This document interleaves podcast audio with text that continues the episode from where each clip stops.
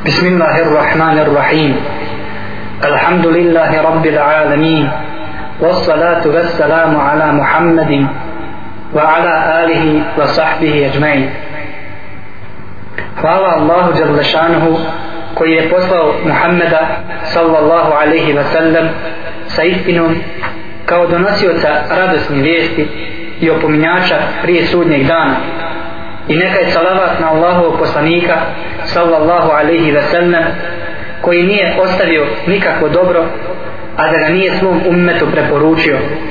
Niti je ostavio ikakvo zlo a da na njega nije upozorio.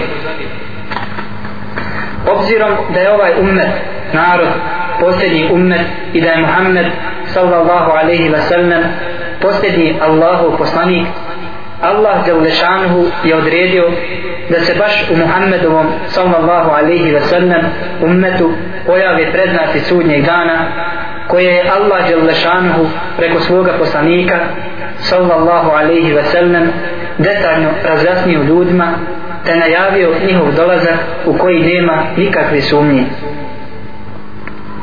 vjerovanje u sudnji dan njegove predznake i polaganje računa na sudnjem danu je sastavni dio vjerovanja u gaj neviđeno bez kojeg nema ispravnog vjerovanja.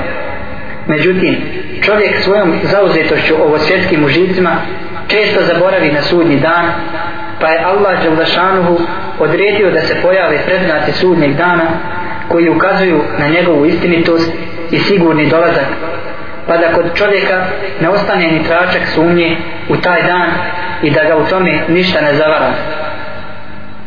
Također je poznato da kada Allahu poslanik sallallahu alaihi ve sellem za nešto kaže da je od preznaka sudnjeg dana pa ljudi u istinu vide da se to ostvarilo onda im to pojača vjerovanje da će sudnji dan bez sumnje nastupiti i to ih podstiče da se za taj dan što bolje pripreme radijeći dobra djela. Islamski učenjak Kurtubi kaže od Allahove mudrosti je slanje predznaka sudnjeg dana prije njegovog nastupanja da se ljudi pripreme sa pokajanjem i dobrim djelima. Allah Đelešanuhu u Kur'anu na mnogo mjesta spominje sudnji dan kao i njegove predznake, predznake nazivajući ga raznim imenima što ukazuje na važnost ovog događaja. Muhammed sallallahu alaihi ve sellem kada bi spomenuo sudnji dan zatrvenilo bi mu se lice podigao bi mu se glas povećala bi se njegova srđba kao da, navi, kao da najavljuje neprijateljsku vojsku koja će ih ujutro ili naveče iznenaditi. Mnogi od malih predznaka sudnjih dana su se već pojavili i ostvarilo se ono što je poslanik sallallahu alaihi wa sallam najavio što ujedno potvrđuje istinitost njegovog poslanstva jer se ostvarenje svakog od najavljenih predznaka smatra jednom od poslanikovi sallallahu alaihi wa sallam muđiza nadnaravnih dijela. Nažalost ima veliki broj onih koji ne vjeruju u istinitost onoga što je Allahu poslanik sallallahu alaihi wa sallam rekao i sumnjaju u ostvarenje onoga što je on najavio od skrivenih gajb stvari u što ulaze i neki predznaci sudnjeg dana. Već smo rekli da je vjerovanje u sudnji dan i njegove predznake od vjerovanja u neviđeno gaj koje se ne dostiže putem razuma niti ima načina da se spozna osim putem vahja, Kur'ana i sunneta. Zbog toga se nadamo da će kazivanje o ovoj temi biti ujedno jedan vid pozivanja u vjerovanje u Allaha Đalešanuhu i u sudnji dan kao i vjerovanje u istinitost onoga što je Allahu poslanik sallallahu alaihi ve sellem najavio a on ne govori po svom nahođenju nego je to objava koja mu se dostavlja.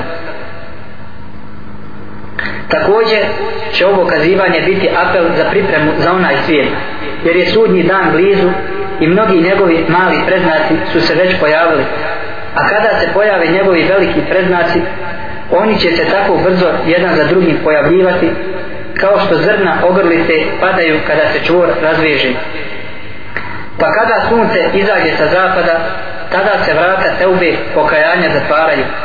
Dijela se više ne primaju niti poslije toga koristi iman, vjerovanje niti teuba kao što se to u Kur'anu kaže. Kada dođu neki znakovi tvoga gospodara tada neće koristiti ni jednom čovjeku njegovo vjerovanje ako nije vjerovao prije ili ako nije stekao u svome vjerovanju kako dobro to jest učinio pokajanje. Ajeti sure Al-An'am 158 sada bi nešto rekli o imenima sudnjega dana.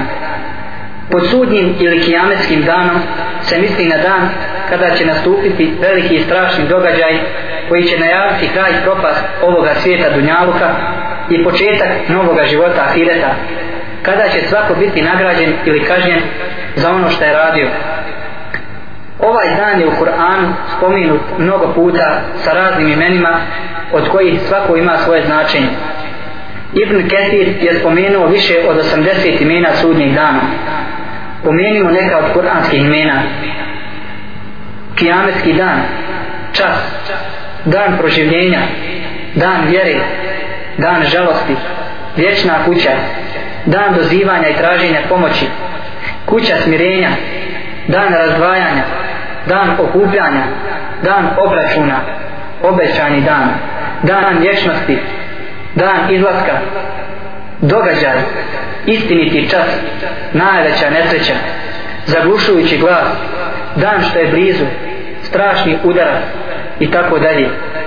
Također jedan broj kuranskih sura nosi naziv nekih od imena sudnjeg dana ili njegovih preznaka kao što su sure Duhan, El Vakja, El Hafa, El Qiyame, El Zilza i druge sljedeće o čemu bi govorili ako Bog da je kada će nastupiti sudnji dan.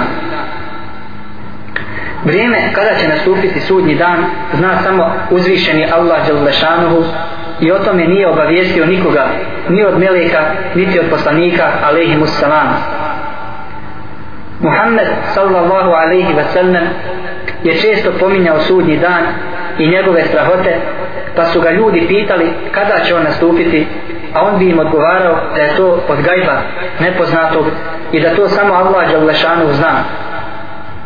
Tako su i neki ajeti objavljeni u kojima se to jasno kaže. Pitaju te o sudnjem danu kada će doći. Reci to zna samo moj gospodar. Vrijeme zbivanje, zbivanja toga dana pokazat će vam samo on. Užasi toga dana bit će teški i nebesima i zemlji. Doći će vam samo iznenada pitaju te o sudnjem danu kao da ti znaš pa kriješ. Reci o njemu zna samo Allah ali većina svijeta ne svaća ovo je ajet iz sure Al-A'raf broj 187 vrijeme nastupanja sudnjeg dana je jedna od pet Allahovi žavlašanuhu tajni koje su spomenute u posljednjem ajetu sure Lukman. Zaista samo Allah žavlašanuhu zna čas sudnjeg dana on spušta kišu i zna šta je u matericama. A nijedan čovjek ne zna šta će sutra zaraditi. I nijedan čovjek ne zna u kojoj će zemlji umrijeti. Zaista Allah zna i sveznajući je kada je Džibril alaihi salam u jednom drugom hadisu između ostalog pitao Muhammeda sallallahu alaihi ve sellem o tome kada će nastupiti sudnji dan on mu je rekao pitani ne zna ništa više od onog koji pita. Samo ću te obavijestiti reče poslanik sallallahu alaihi ve sellem o njegovim predznacima hadis je sahih a prenose ga El Buhari i Muslim. Također Isa alaihi salam ne zna kada će biti sudnji dan iako je njegov ponovni dolazak jedan od velikih preznaka sudnjeg dana. Ibn Mes'ud radijallahu anhu prenosi da je Allahu poslanik sallallahu alaihi ve sellem rekao kada sam bio na Mi'rađu vidio sam Ibrahima, Musa'a i Isa'a alaihimu salam da razgovaraju o sudnjem danu kada će nastupiti zatim su tu stvar prepustili Ibrahimu alaihimu salam a on reče ja o tome ništa ne znam. Tada su tu stvar prepustili Musa'u alaihi salam a on isto reče ja o tome ništa ne znam. Zatim stvar prepustiše Isa'u alaihi salam a on reče što se tiče vremena kada će doći to ne zna niko osim Allaha a ono što je meni moj gospodar povjerio je da će se Deđal pojaviti ja ću kaže Isa a.s. držati dva štapa pa kada me Dejjal ugleda stopit će se kao što se olovo topi i tako će ga Allah uništiti hadis je sahih a prenosi ga Ahmed ibn Mađe i Al-Hakim pojava Dejjala i dolazak Isa a.s. koji će ubiti Dejjala i od velikih predznaka sudnjeg dana o kojima će biti riječi kasnije iz prethodnih hadisa se zaključuje da čak ni najbliži meleki niti najodabrani Allahovi poslanici ne znaju kada će nastupiti sudnji dan. Pa kao što nikome osim Allaha Đalešanuhu nije poznato kada će biti sudnji dan tako isto nikome nije poznato kada će se pojaviti njegovi veliki prednaci. Jedino što se saznaje iz pouzdanih hadisa je da će sudnji dan nastupiti u petak i to na kraju toga dana a koji će to petak? Zna samo uzvišeni Allah. Sljedeće o čemu bi govorili vezano za ovu temu je blizina sudnjeg dana. Kuranski ajati i pouzdani hadisi ukazuju na blizinu sudnjeg dana kao što je pojavljivanje i obistinjenje većine njegovih malih predznaka dokaz da se nalazimo u posljednjim danima ovog svijeta. Allah Đelešanu kaže približio se ljudima njihov obračun a oni se u svojoj nemarnosti gafletu okreću ajete sure Al-Anbiya prvi ajet a šta ti znaš možda je sudnji dan blizu sura Al-Ahzab 63. ajet zaista ga oni vide daleko a mi ga vidimo da je blizu sura Al-Na'arij 6. i 7. ajet približio se sudnji dan a mjesec se raspuknuo sura Al-Kamer, prvi ajet i mnogi drugi ajeti koji ukazuju na skoro završetka ovog svijeta Dunjaluka i prelaska u drugi svijet ahiret. poslan sam u vrijeme pirkanja vjetra sudnjeg dana kaže Boži poslanik sallallahu alaihi ve sellem u sahih hadisu koji prenosi koji se navodi u silsile hadisa sahiha što znači da je Allahu poslanik sallallahu alaihi ve sellem među prvim predznacima sudnjeg dana ili da je on poslan skupini koju je Allah Đalešanu stvorio prije dolaska sudnjeg dana to jest u posljednjoj generaciji Ademovi alaihi salam potomaka. Ibn Omer radijallahu anhu kaže Sjedili smo sa poslanikom sallallahu alaihi ve sellem posle Kindije a sunce već bilo na brdu Kuaitijan koji se nalazi 20 km južno od Mekke pa on reče nije ostalo od vašeg života na Dunjaluku u odnosu na one koji su živjeli prije vas osim kao što je ostalo od ovog dana u odnosu na ono što je od njega prošlo. Hadis je sahih a prenosi ga Ahmed. Ovo ukazuje da je od Dunjaluka ostalo u odnosu na ono što je proteklo samo malo ali dužinu onog što je proteklo ne zna niko osim Allaha Đalešanu. I još jedan hadis koji najbolje ukazuje na blizinu sudnjeg dana gdje poslanik sallallahu alaihi wa sallam kaže poslani smo ja i sudnji dan skupa i umalo da me nije pretekao.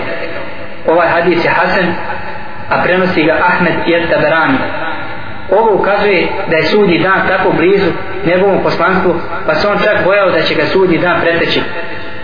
Prenosi se da je Allahu poslanik sallallahu alaihi wa sallam kada je objavljen ajet došla je Allahova odredba skočio na noge a kada je objavljen dovršetak ovog ajeta pa i nemojte požurivati sjeo je ovo je ajet sure An-Nahl prvi neki učenjaci kažu da je on ustao bojeći se da je kiametski dan već došao A sada ćemo nešto progovoriti o podjeli i definiciji predznaka sudnjeg dana. Predznaci sudnjeg dana se dijele u dvije vrste, male i velike. Mali predznaci. To su predznaci koji se pojavljuju prije sudnjeg dana na relativno duži vremenski period i oni su uobičajene prirode kao što su uklanjanje, nestanak nauke, pojava neznanja, rasprostranjeno pijenje alkohola, nadmetanje u gradinje visokih kuća i tome slično. Isto tako je moguće da se neki od malih predznaka pojavi skupa sa velikim predznacima. Veliki predznaci. To su veliki događaji koji će se pojaviti pred kiametski dan i oni su neobičajne prirode, kao što su izlazak sunca sa zapada, pojavljivanje deđala, dolazak Isa a.s dolazak je džuđa i međuđa i drugi događaji. Neki učenjaci su ove predznake obzirom na njihovo pojavljivanje podijelili na tri grupe. Grupa koja se pojavila i prošla, grupa koja se pojavila još traje i povećava se, grupa koja se još nije pojavila. Inače su ova prva i druga grupa mali predznaci sudnjeg dana, a u treću grupu ulaze veliki predznaci kao i neki od malih predznaka. Poslanikovo sallallahu alaihi wasallam najavljivanje budućih nevidljivih događaja. Allahu poslanik sallallahu alaihi wasallam je obavijestio onome šta će se desiti do sudnjeg dana, a to je ono čime ga je Allah Đelešanu upoznao od budućih nevidljivih događaja. Hadisi koji o ovome govore su mnogobrojni, tako da su svojim značenjem dostigli jednu vrstu mutevatir hadisa koji su od najjačih vrsta hadisa. Evo nekih od hadisa koji govore o toj temi. Huzeyfe radijallahu anhu kaže Allahu poslanik sallallahu alaihi wasallam nam je održao takav govor u kojem nije ostavio ništa što će se desiti do sudnjeg dana a da nam to nije spomenuo. Taj govor je neko razumio i zapamtio a neko ga nije razumio pa je zaboravio. Ja kaže Huzeyfe radijallahu anhu u istinu vidim nešto od onoga što je pomenuo što sam već bio zaboravio pa ga se prisjeti kao što se čovjek prisjeti poznate osobe kada je nakon izvjesnog vremena ponovo ugleda. Ovo je hadis sahih mutafakun alejh. Huzeyfe radijallahu anhu u drugom hadisu kaže Allahu poslanik sallallahu alaihi wasallam me obavijestio o svemu što će se desiti do sudnjeg dana i od toga nisam ostavio ništa, a da ga o tome nisam preupitao, jedino ga nisam pitao šta će stanovnike Medine istjerati iz Medine. Hadis sahih, prenosi ga muslim. To nije bio slučaj samo sa Huzeifom radijallahu anhu, nego je Allah poslanik sallallahu alaihi wasallam ashabima čitav dan govorio kako bi im objasnio sve ono što će se desiti do sudnjeg dana. Ebu Zaid Amr ibn Ahtab radijallahu anhu kaže Klanjali smo sa Allahovim poslanikom sallallahu alaihi wasallam sabah namaz pa se popeo na minberu i govorio nam sve do podne namaza. Zatim je sišao, klanjao podne i ponovo se popeo na minberu te nam govorio sve do ikindije. Sišao je, klanjao ikindiju i opet se popeo i govorio sve do zalaska sunca obavijestivši nas o onome što će se desiti pa je onaj od nas najbolje znao i ko je najbolje razumio najviše i zapamtio. Hadis sahih prenosi ga muslim. Iz ovih hadisa se zaključuje da je poslanik sallallahu alaihi wasallam obavijestio svoj umet onome šta će se desiti do sudnjeg dana od onoga što se njih tiče. Nema sumnje da predznaci sudnjeg dana zauzimaju najveći dio tih najavljenih događaja. Pa zbog toga imamo veliki broj hadisa u kojima se najavljuju ovi predznaci. Te hadise prenosi veliki broj ashaba u raznim predajama kao što ćemo ako Bog da vidjeti. Mali predznaci sudnjeg dana. Spomenut ćemo prvo male predznake zato što se većina njih već pojavila i obistinila pa ćemo kasnije ako Bog da pomenuti velike predznake. Malih predznaka sudnjeg dana ima vrlo mnogo i teško je odrediti njihov tačan broj zbog velikog broja hadisa u kojima su spomenuti i raznovrsnosti tih predaja. Osim toga nisu ni svi hadisi spomenu, nisu ni svi hadisi koji govore o tim predznacima iste deređe, nisu iste jačine vrijednosti. Jer ima jedan broj predznaka koji su pomenuti u daif slabim hadisima, koji se ne mogu uzimati kao pouzdan izvor naše vjere. Te daif hadise je dozvoljeno koristiti samo u pojedinim oblastima, kao na primjer podsticanju na dobra djela, ali sa određenim preduvjetima koje su hadijski učenjaci postavili. Jusuf el-Vadili u svojoj knjizi Ešratu Sa'a pomenuo 57 malih predznaka. Držite se pri tome samo onih predznaka koji su pomenuti u sahih pouzdanim i hasan dobrim hadisima.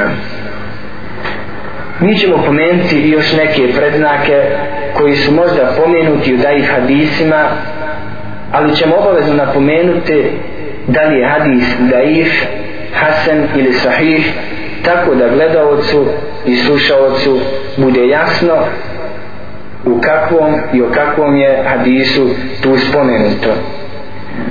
Razlog pominjanja pojedinih predznaka iz daif hadisa je što se zapaža da se taj najavljeni predznak već obistinio, pa se za takav slučaj može reći da mu je značenje ispravno, iako nije potpuno sigurno da je to Allah poslanik sallallahu alaihi wasallam rekao zbog slabosti datog hadisa.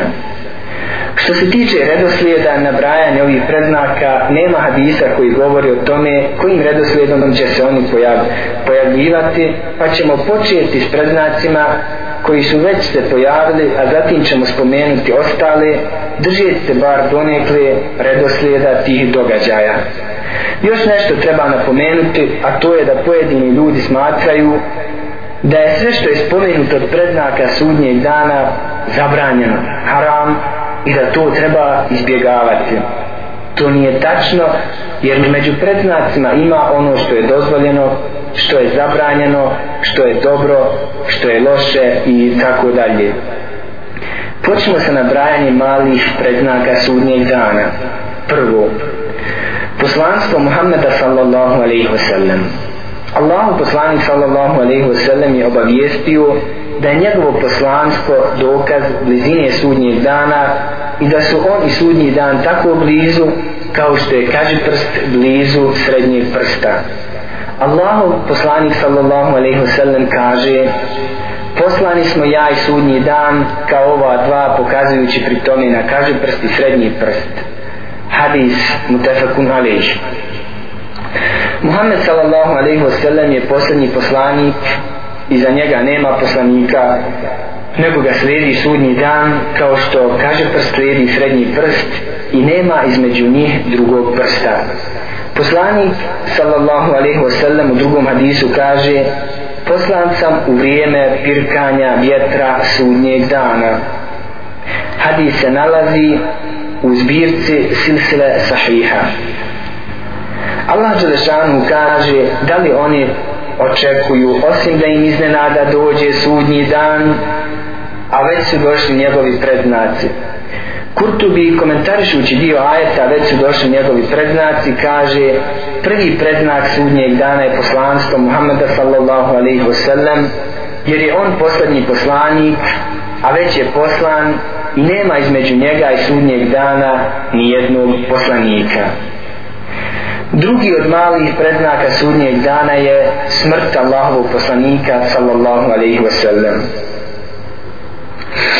Smrt Muhammeda sallallahu alaihi wa sallam je od predznaka sudnjeg dana kao što je to spomenuto u hadisu Aufa ibn Malika radijallahu anhu u kojem poslanik sallallahu alaihi wa sallam za vrijeme bitke na Tebuku kaže nabroj šest predznaka prije sudnjeg dana moju smrt osvojenje Jerusalema, pomor, umiranje koje će vas zadesiti kao ovčija kuga. Hadis sahih, prenosi ga Buhari. Smrt Allahovog poslanika sallallahu alaihi wasallam je bila jedan od najtežih događaja za muslimane, tako da se ashabima radijallahu anhum smrtlo pred očima kada je on umro. Enes radijallahu anhu kaže, onoga dana kada je Allahu poslanik sallallahu alaihi wa sallam došao u Medinu učinio hijđru cijeli grad je bio obasjan a onoga dana kada je on umro cijeli grad je bio tmuran i nismo bili ni ruke otresli od ukopavanja njegova tijela a već su nam naša srca postala nepoznata hadis sahih prenosi ga At-Tirmizi.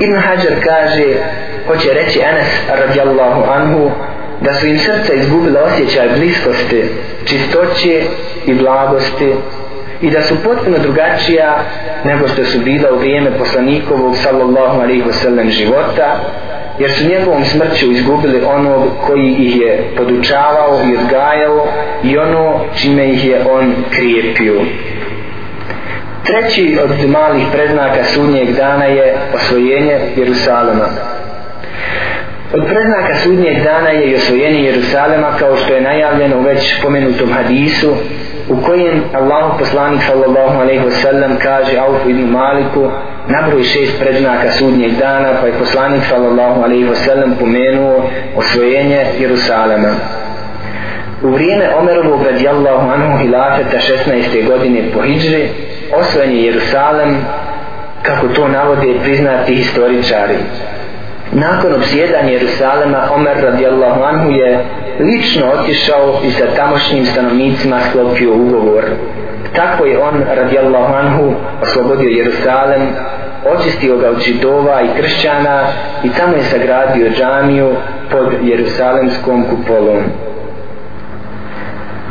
Kuga u Amelasu Amelas je selo u Palestini.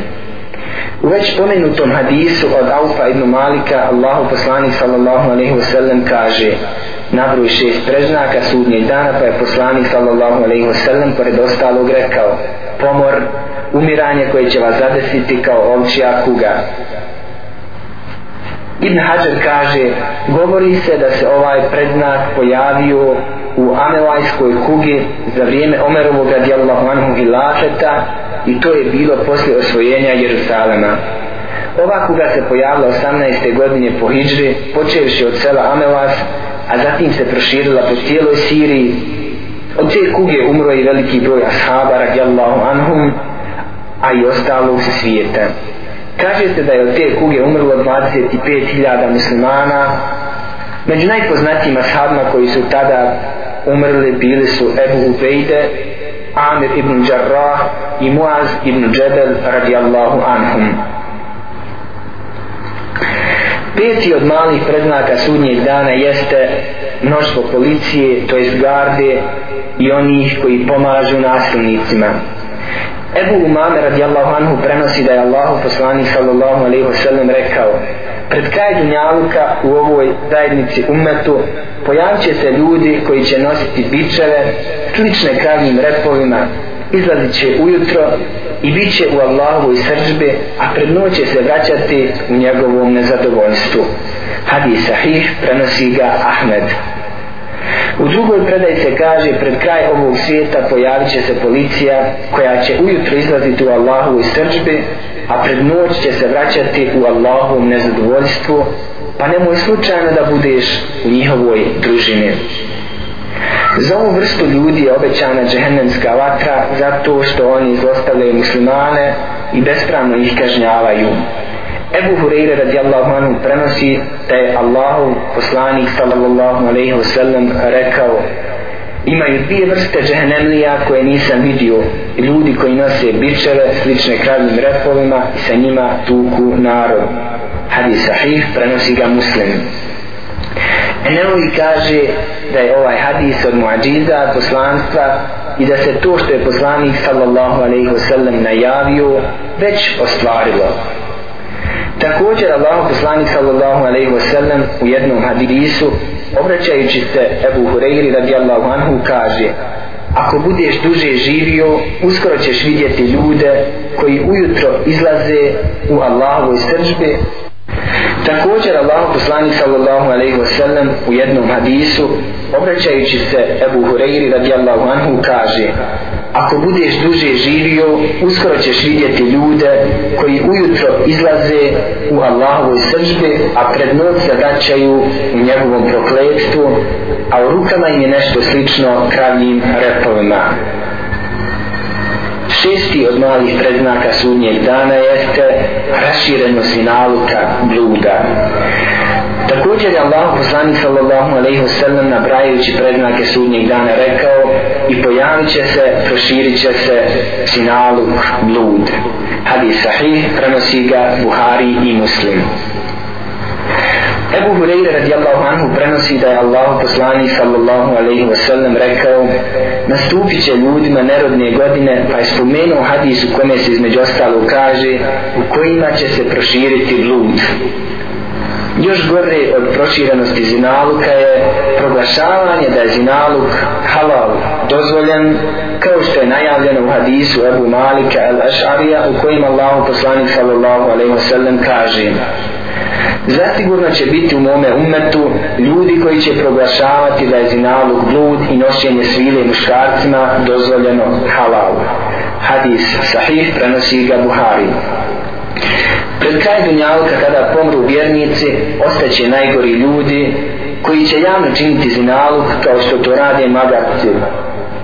To je najavljeno u hadisu koji prenosi Emnu Vas radijallahu anhu da je poslanik sallallahu alaihi wasallam rekao pa će ostati najgori ljudi koji će javno činiti blud kao što to čine magarci. I nad njima će nastupiti sudnji dan. Hadis sahih prenosi ga muslim. Ebu Hureyre radijallahu anhu prenosi da je poslanik sallallahu alaihi wasallam rekao tako mi onoga učuje ruci moja duša neće se završiti ovaj dunjalog sve dok čovjek ne uzme ženu i ne položi je na put činjeći blud pa će najbolji čovjek tada biti onaj ko će im reći da ste se sklonili iza ovoga zida. Hadis sahih prenosi ga Ebu Jala. Kurtubi govoreći o Enesovom radijallahu anhu prethodnom hadisu kaže U ovom hadisu je jedan od dokaza poslanstva, jer je poslanik sallallahu alaihi wasallam najavio neke stvari koje će se desiti pa se baš tako i desile pogotovo u ovim vremenima. Pa kada je ovako bilo vrijeme Kurtubija koji je umro 656. godine po Hidžre, u našem vremenu je još gore zbog neznanja među ljudima i raširenosti lopoluka među njima. Raširenost homoseksualnosti. Vezano za raširenost bluda je i raširenost homoseksualnosti, pa vidimo da se u pojedinim državama koje smatraju da su napredne, ljudi bore da brak među muškarcima bude legalan. Džabir radijallahu anhu prenosi da je poslanik sallallahu alaihi wa sallam rekao najviše čega se bojim svome ummetu jeste homoseksualnost. Hadis sahih prenosi ga Tirmizi, Ahmed i drugi. Ibn Mas'ud radijallahu anhu prenosi da je Allah poslanik sallallahu alaihi wa sallam rekao Od predznaka sudnjeg dana je da će se muškarci zadovoljavati sa muškarcima, a žene sa ženama. Hadis prenosi Taberani, Al-Bejheki i Ad-Dajleni. Enes radijallahu anhu prenosi da je Allah poslanik sallallahu alaihi wa sallam rekao kada moj umet počne raditi pet stvari zaslužit će propast. Kada se među njima proširi proklinjanje to jest kletva počnu piti alkohol oblačiti svilu počnu slušati pjevačice i kada se ljudi zadovolje ljudima a žene ženama. Raširenost kamate i sticanje imetka na nedozvoljen način od predznaka sudnjeg dana je i pojavljivanje kamate i njena raširenost među ljudima tako da se neće voditi računa na ono što se jede ono što je haram odnosno što je zabranjeno. Ibn Mas'ud radijallahu anhu prenosi da je Allahu poslanik sallallahu alaihi wa sallam rekao pred sudnji dan će se pojaviti kamata hadis je sahih a prenosi ga Beheki, Taberani i Ebu Nuaym. Ebu Hureyre radijallahu anhu prenosi od Božih poslanika sallallahu alaihi wa sallam da je rekao doći će vrijeme kada niko od ljudi neće ostati a da neće jesti kamatu a i onaj koji ne bude jeo zahvatit će ga prašina od kamate. Hadis je također sahih a prenosi ga taberani. Ebu Hureyre radijallahu anhu prenosi da je Allahu poslanik sallallahu alaihi wa sallam rekao doći će ljudima vrijeme da čovjek neće voditi računa kako je zaradio novac na halal dozvoljen ili na haram nedozvoljen način. Hadis je sahih a prenosi ga Davud el Nesai Ahmed el Bejheqi el Hakim ovo što je najavljeno u ovim hadisima već se ostvarilo kod većine muslimana u današnjem vremenu. Pa ne vodi računa da im zarada bude na halal način nego sakupljaju i metak i na dozvoljen i na zabranjen način a većina toga se dešava zbog uzimanja raznih kamata koje su se raširile u međuljudskim kontaktima tako da je veliki broj ljudi zapao u ovu tešku situaciju. Žalostna je činjenica da se među onima koji stiču imetak na nedozvoljen način često nađu i oni koji se ubrajaju u učene i znane ljude pa nesreća a da bume i grijeh. Tim postaje veća jer bi oni trebali biti prvi koji će ljude odvraćati od toga ali im je ljubav za imetkom toliko zaslijepila oči da često nešto što je zabranjeno smatraju dozvoljenim i obratno neka nas Allah Đelešanuhu sačuva od tih iskušenja. Pojavljivanje muzičkih instrumenta i smatranje toga dozvoljenim od Sehla ibn Sada radijallahu anhu se prenosi da je Allahov poslanik sallallahu alaihi wa sallam rekao nastupit će pred kraj dunjavuka propadanje odnosno poniranje u zemlju bacanje, padanje kamenja sa nebesa i pretvaranje ljudskih likova u životinske a kada će to biti o Allahu poslaniće upitaše kada se pojave muzički instrumenti i pjevačice odgovori on. Hadis je sahih i prenosi ga Ibn Mađe i Taberani ovaj predznak se već uveliko obistinio u našem vremenu. Vidimo raširenost raznih vrsta muzičkih instrumenta mnoštvo pjevača i pjevačica koje mnogo obožavaju i drže ih za svoje idole kao što vidimo jedan veliki broj ljudi koji obožavaju muziku i klate se i njišu, divljaju i plešu baš onako kako im muzika to komanduje. Još gore od svega toga što pojedinci to smatraju dozvoljenim, pa to neki čak smatraju vrstom ibadeta, obožavanja. Slažem se sa njima da je to obožavanje, ali to nije obožavanje uzvišenog Allaha, nego je to obožavanje strasti i šeitana.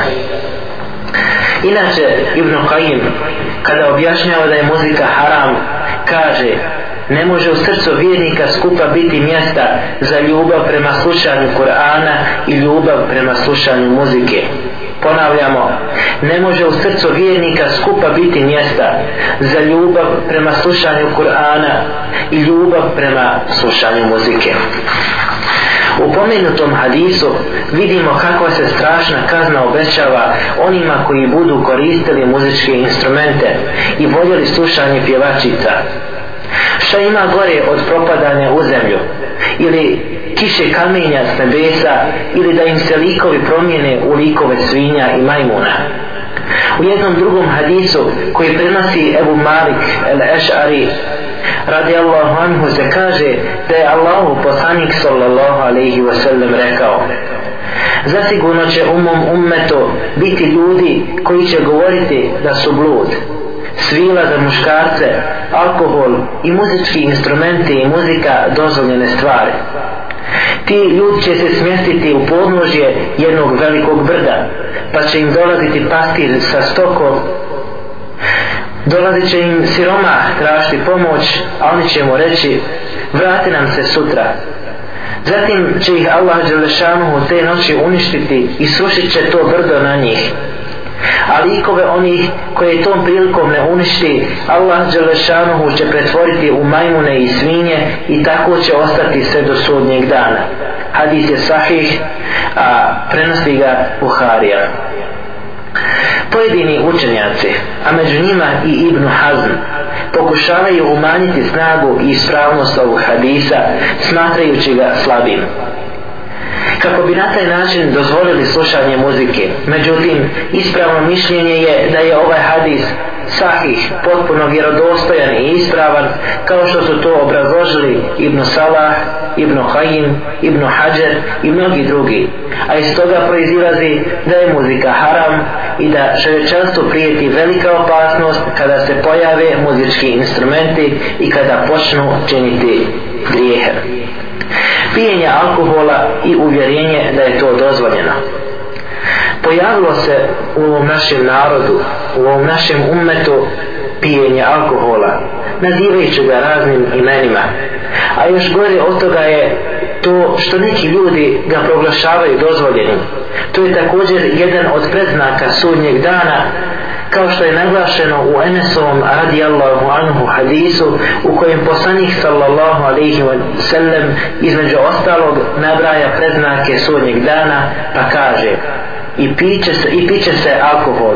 Hadis je sahih a prenosi ga muslim u prethodnom poglavlju o pojavljivanju muzičkih instrumenta su pomenuti neki hadisi u kojima se kaže da će u ovome ummetu biti onih koji će pijenje alkohola smatrati zlozvoljenim.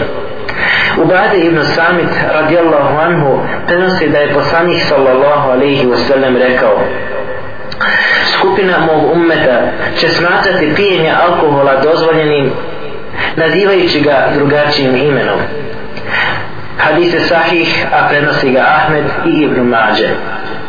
I u istinu vidimo toliko vrsta i naziva alkoholnih pića. Čak su ga nazvali i duševnim pićem i slično kao što vidimo da je mnogo svijeta ogrezlo u pijenju alkohola a još gore od toga je javno prodavanje alkohola raznih droga i tome slično.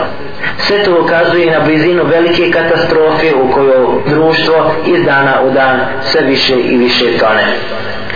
Ukrašavanje džamija i natjecanje u tome od predznaka sudnjeg dana je ukrašavanje džamija raznim klesanjem i razbarenjem, a zatim hvalisanje tim džamijama. Enes radijallahu anhu prenosi da je Allahu poslanik sallallahu alaihi wasallam rekao neće nastupiti sudnji dan dok se ljudi ne budu takmičili u, u ukrašavanju džamija. Hadis je sahih, a prenosi ga Ahmed. U Nesajevom rivajetu hadisu se kaže od preznaka sudnjeg dana je da se ljudi takmiče u ukrašavanju džamija. Hadis je također sahih, a prenosi ga en Nesai ibn Huzayme. Enes radijallahu anhu kaže takmiče se ljudi u ukrašavanju džamija, a u njih rijetko i malo dolaze. Ibn Abbas radijallahu anhu kaže vi ćete zasigurno ukrašavati džamije kao što su to radili jevreji i kršćani. Omer ibn Khattab radijallahu anhu je branio da se džamije ukrašavaju jer to ometa klanjače za vrijeme namaza i smanjuje im skrušenost i koncentraciju u namazu. Kada je Omer radijallahu anhu naredio da se obnovi poslanikova džamija u Medini, onda je rekao zaklonite svijet od kiše i nemojte slučajno da bojite crvenom ili žutom bojom pa da sa tim šarama ometate klanjače. Hadis je sahih a prenosi ga Buharija. Allah Đelešanuhu se smilovao Omeru radijallahu anhu. Ljudi se ne drže njegova savjeta pa se nisu čak zadovoljili ni sa crvenom i žutom bojom nego su prešli sve granice u klesanju rezbarenju i ukrašavanju džamija. Čak se većina vladara nadmetala u gradnji i ukrašavanju džamija kao što se to može vidjeti u mnogim islamskim zemljama. Najavljeno je da će nastupiti propast i uništenje kada se počnu ukrašavati džamije i okviri, odnosno omoti mushafa i njegovi listovi. Ebu Darda radijallahu anhu je rekao kada budete ukrašavali svoje džamije i korice i listove svojih mushafa Kur'ana doživjet ćete propast. Munavi komentator Džamiju Sagira kaže ukrašavanje džamija i korica mushafa je zabranjeno jer to skreće pažnju i umanjuje koncentraciju, skrušenost i razmišljanje o onome što se uči. Po mišljenju učenjaka šafijskog meseba ukrašavanje džamija pa čak i same kabe sa zlatom ili srebrom je zabranjeno a sa nečim drugim je mekruh odnosno pokuđeno. Žalostna je činjenica da se ljudi i dan danas natječu u ukrašavanju džamija, pa se čuje hoćemo da nam džamija bude kao ta i ta, ili mora biti viša od te i te munare i mora imati toliko i toliko šarefa i tome slično. Da se ne bismo pogrešno razumijeli i da ne bi neko rekao ovi hoće da nam džamija bude kao pojatar i tome slično, moramo reći sljedeće.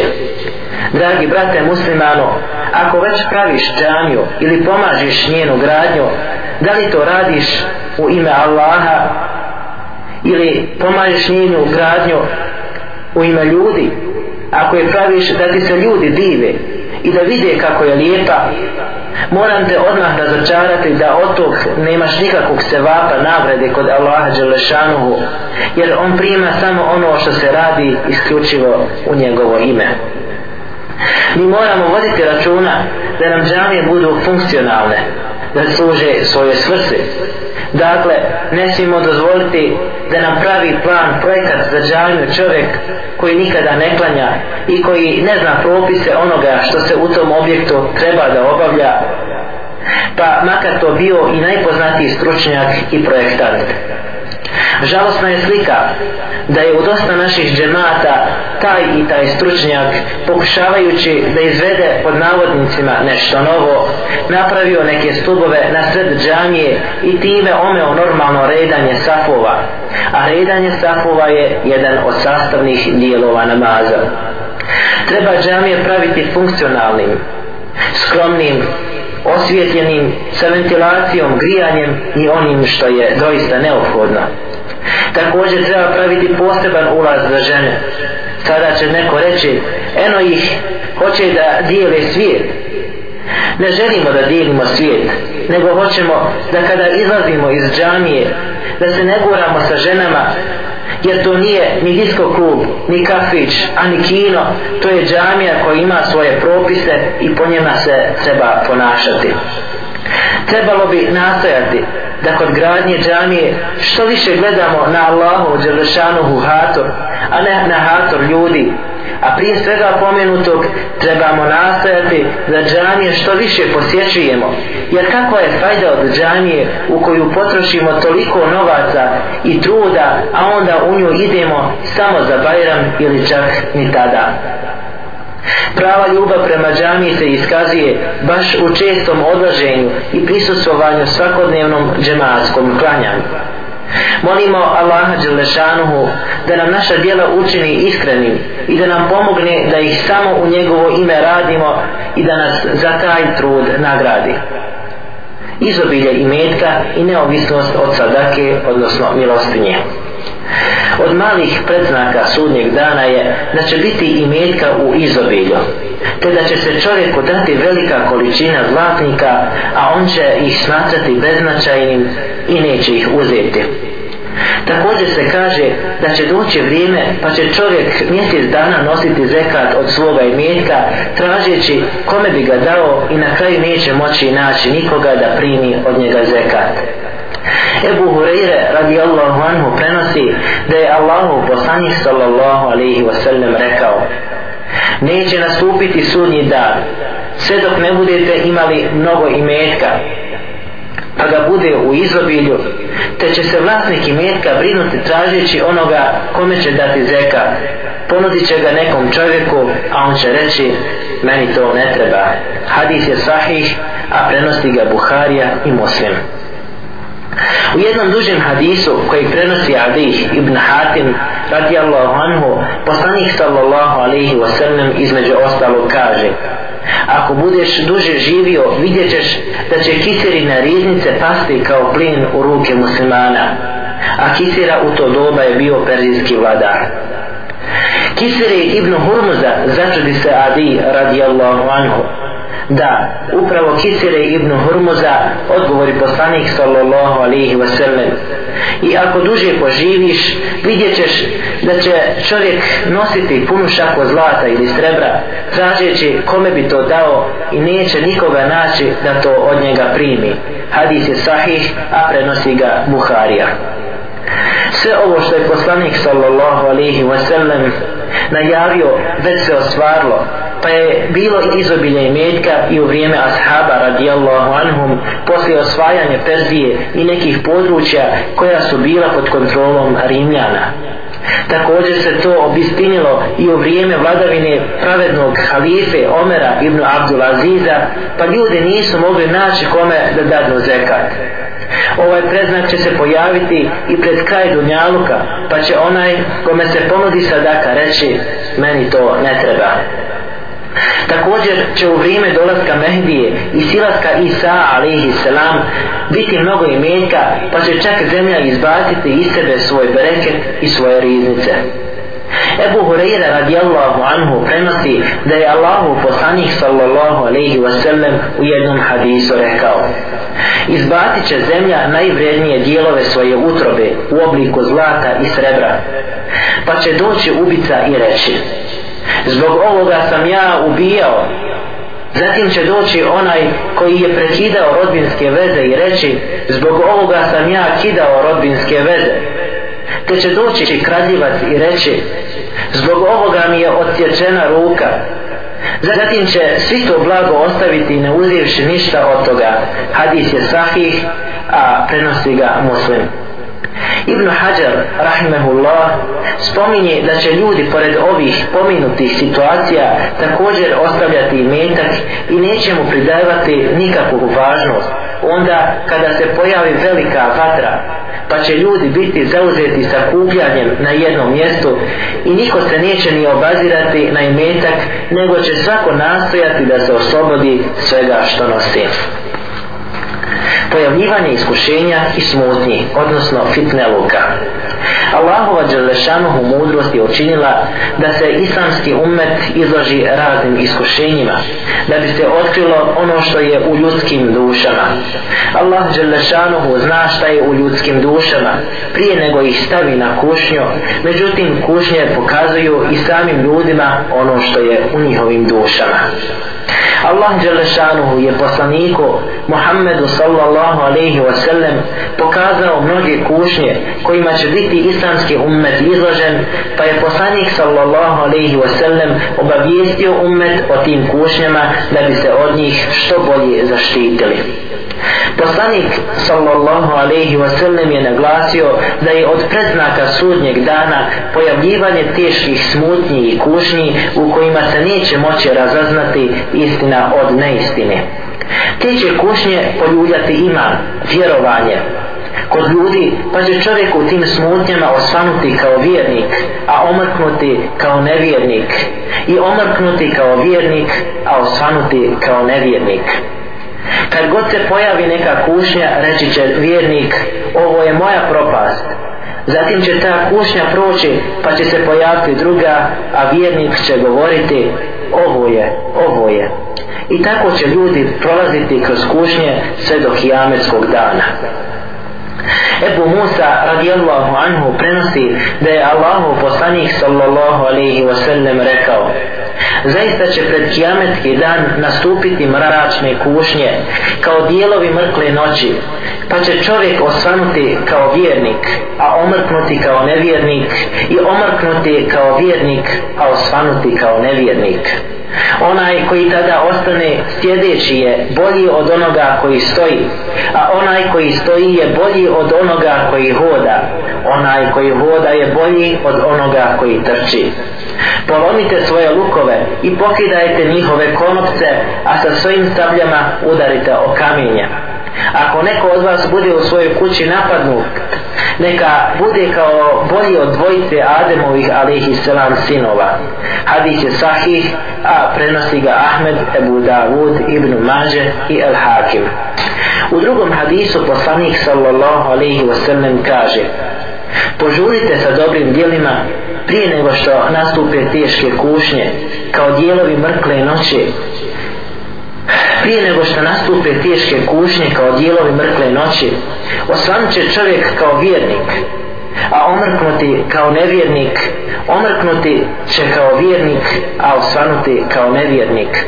Prodavat će svoju vjeru za neku dunjaločku korist. Hadis je sahih a prenosi ga muslim i tirmizi.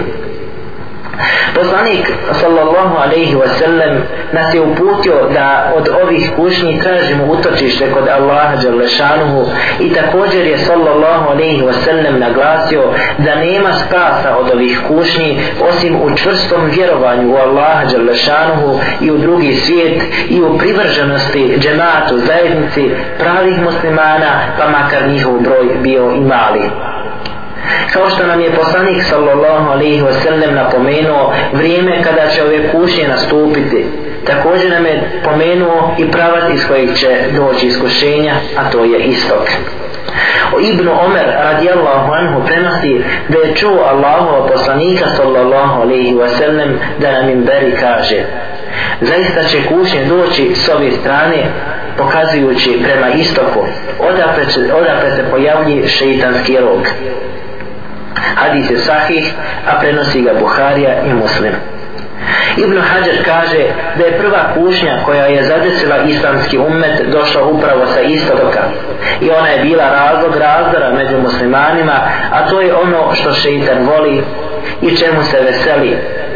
A također je i većina bidata novotarija u vjeri uvedena iz tog pravca iz pravca istoka su se pojavile i većina frakcija kao što su Haridžije, Šije, Rafidije, Kaderije, Džehnije, Motezile i druge. Također su Tatari došli iz pravca istoka u 7. vijeku po Hidžri i nanijeli velike štete, ubijstva i belaje koji su pominuti u historijskim knjigama. U skorije vrijeme istok je bio izvor kušnji i belaja i nevjerstva. Čak je i centar komunizma Rusija i Kina također na istoku. Također će dolazak Dejjala i naroda Jeđuđ i Međuđ biti sa istoka da nas Allah Đelešanuhu zaštiti od vidljivih i nevidljivih kušnje. Potrebno je napomenuti da su neka od ovih iskušenja istovremeno i predznaci sudnjeg dana koje je poslanik sallallahu alaihi wasallam najavio kao što su bitka na Sifinu, pojavljivanje Haridžija i slično.